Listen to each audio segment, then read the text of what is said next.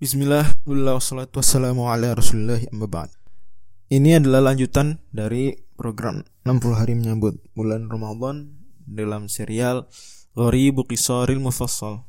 Dan kita kali ini di episode 32 akan membahas insyaallah kata Al-Farash. Al-Farash yang ada di surat uh, Al-Qari'ah Ayat yang keempat, yauma yakunun nasu kal farashil mabthuth. Pada hari tersebut manusia keadaannya menjadi seperti laron-laron yang berterbangan, menyebar. Uh, kata al-farash itu artinya laron, al-farash. Dan dia berasal dari kata dasar atau yang bersusun huruf fa, ro dan shin. Dan seperti biasa kita sudah tahu bahwa Kata-kata dalam bahasa Arab bisa dikembalikan ke dalam tiga huruf atau empat huruf. Ya, tiga huruf atau empat huruf dari kata kerja. Di sini farosha yafrishu farshan yang artinya melebarkan. Allah Subhanahu wa taala firmankan wal arda farashnaha fa ni'mal mahidun dan bumi kami menjadikan lebar. Bumi meskipun bola tapi kita tidak merasa dia bola kita rasa dia datar karena Allah buat lebar.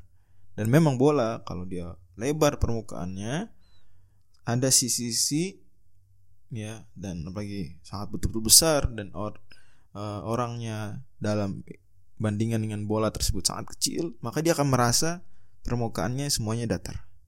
Inilah Allah firmankan wal ardo faroshna farosha. Mudharinya yafrishu masdarnya farshan makanya Allah Subhanahu wa taala firmankan wa minal an'ami hamulatan wa farsha surat al-an'am. Ini hamulah hewan ternak yang bisa untuk ditunggangi farshan yang bisa untuk ditaruh di atasnya kain untuk kemudian menaruh barang-barang di atasnya. Disebut demikian karena kain tadi dibentangkan. Ingat tadi makna istiqoqi dari fa ro dan shin kata uh, al imam ibnu faris adalah adalah bast membentangkan sesuatu. Tadi Laro disebut demikian karena dia berterbangan ke mana-mana, melebar, seolah-olah terbentang. Allah juga firmankan tentang kasur mengeranjang di surga wa furushim marfu'ah. Furush. Di ayat lain Allah bilang firosh. Ini firosh tunggalnya jamaknya furush, kasur-kasur karena dibentang. Allah alam bisawab.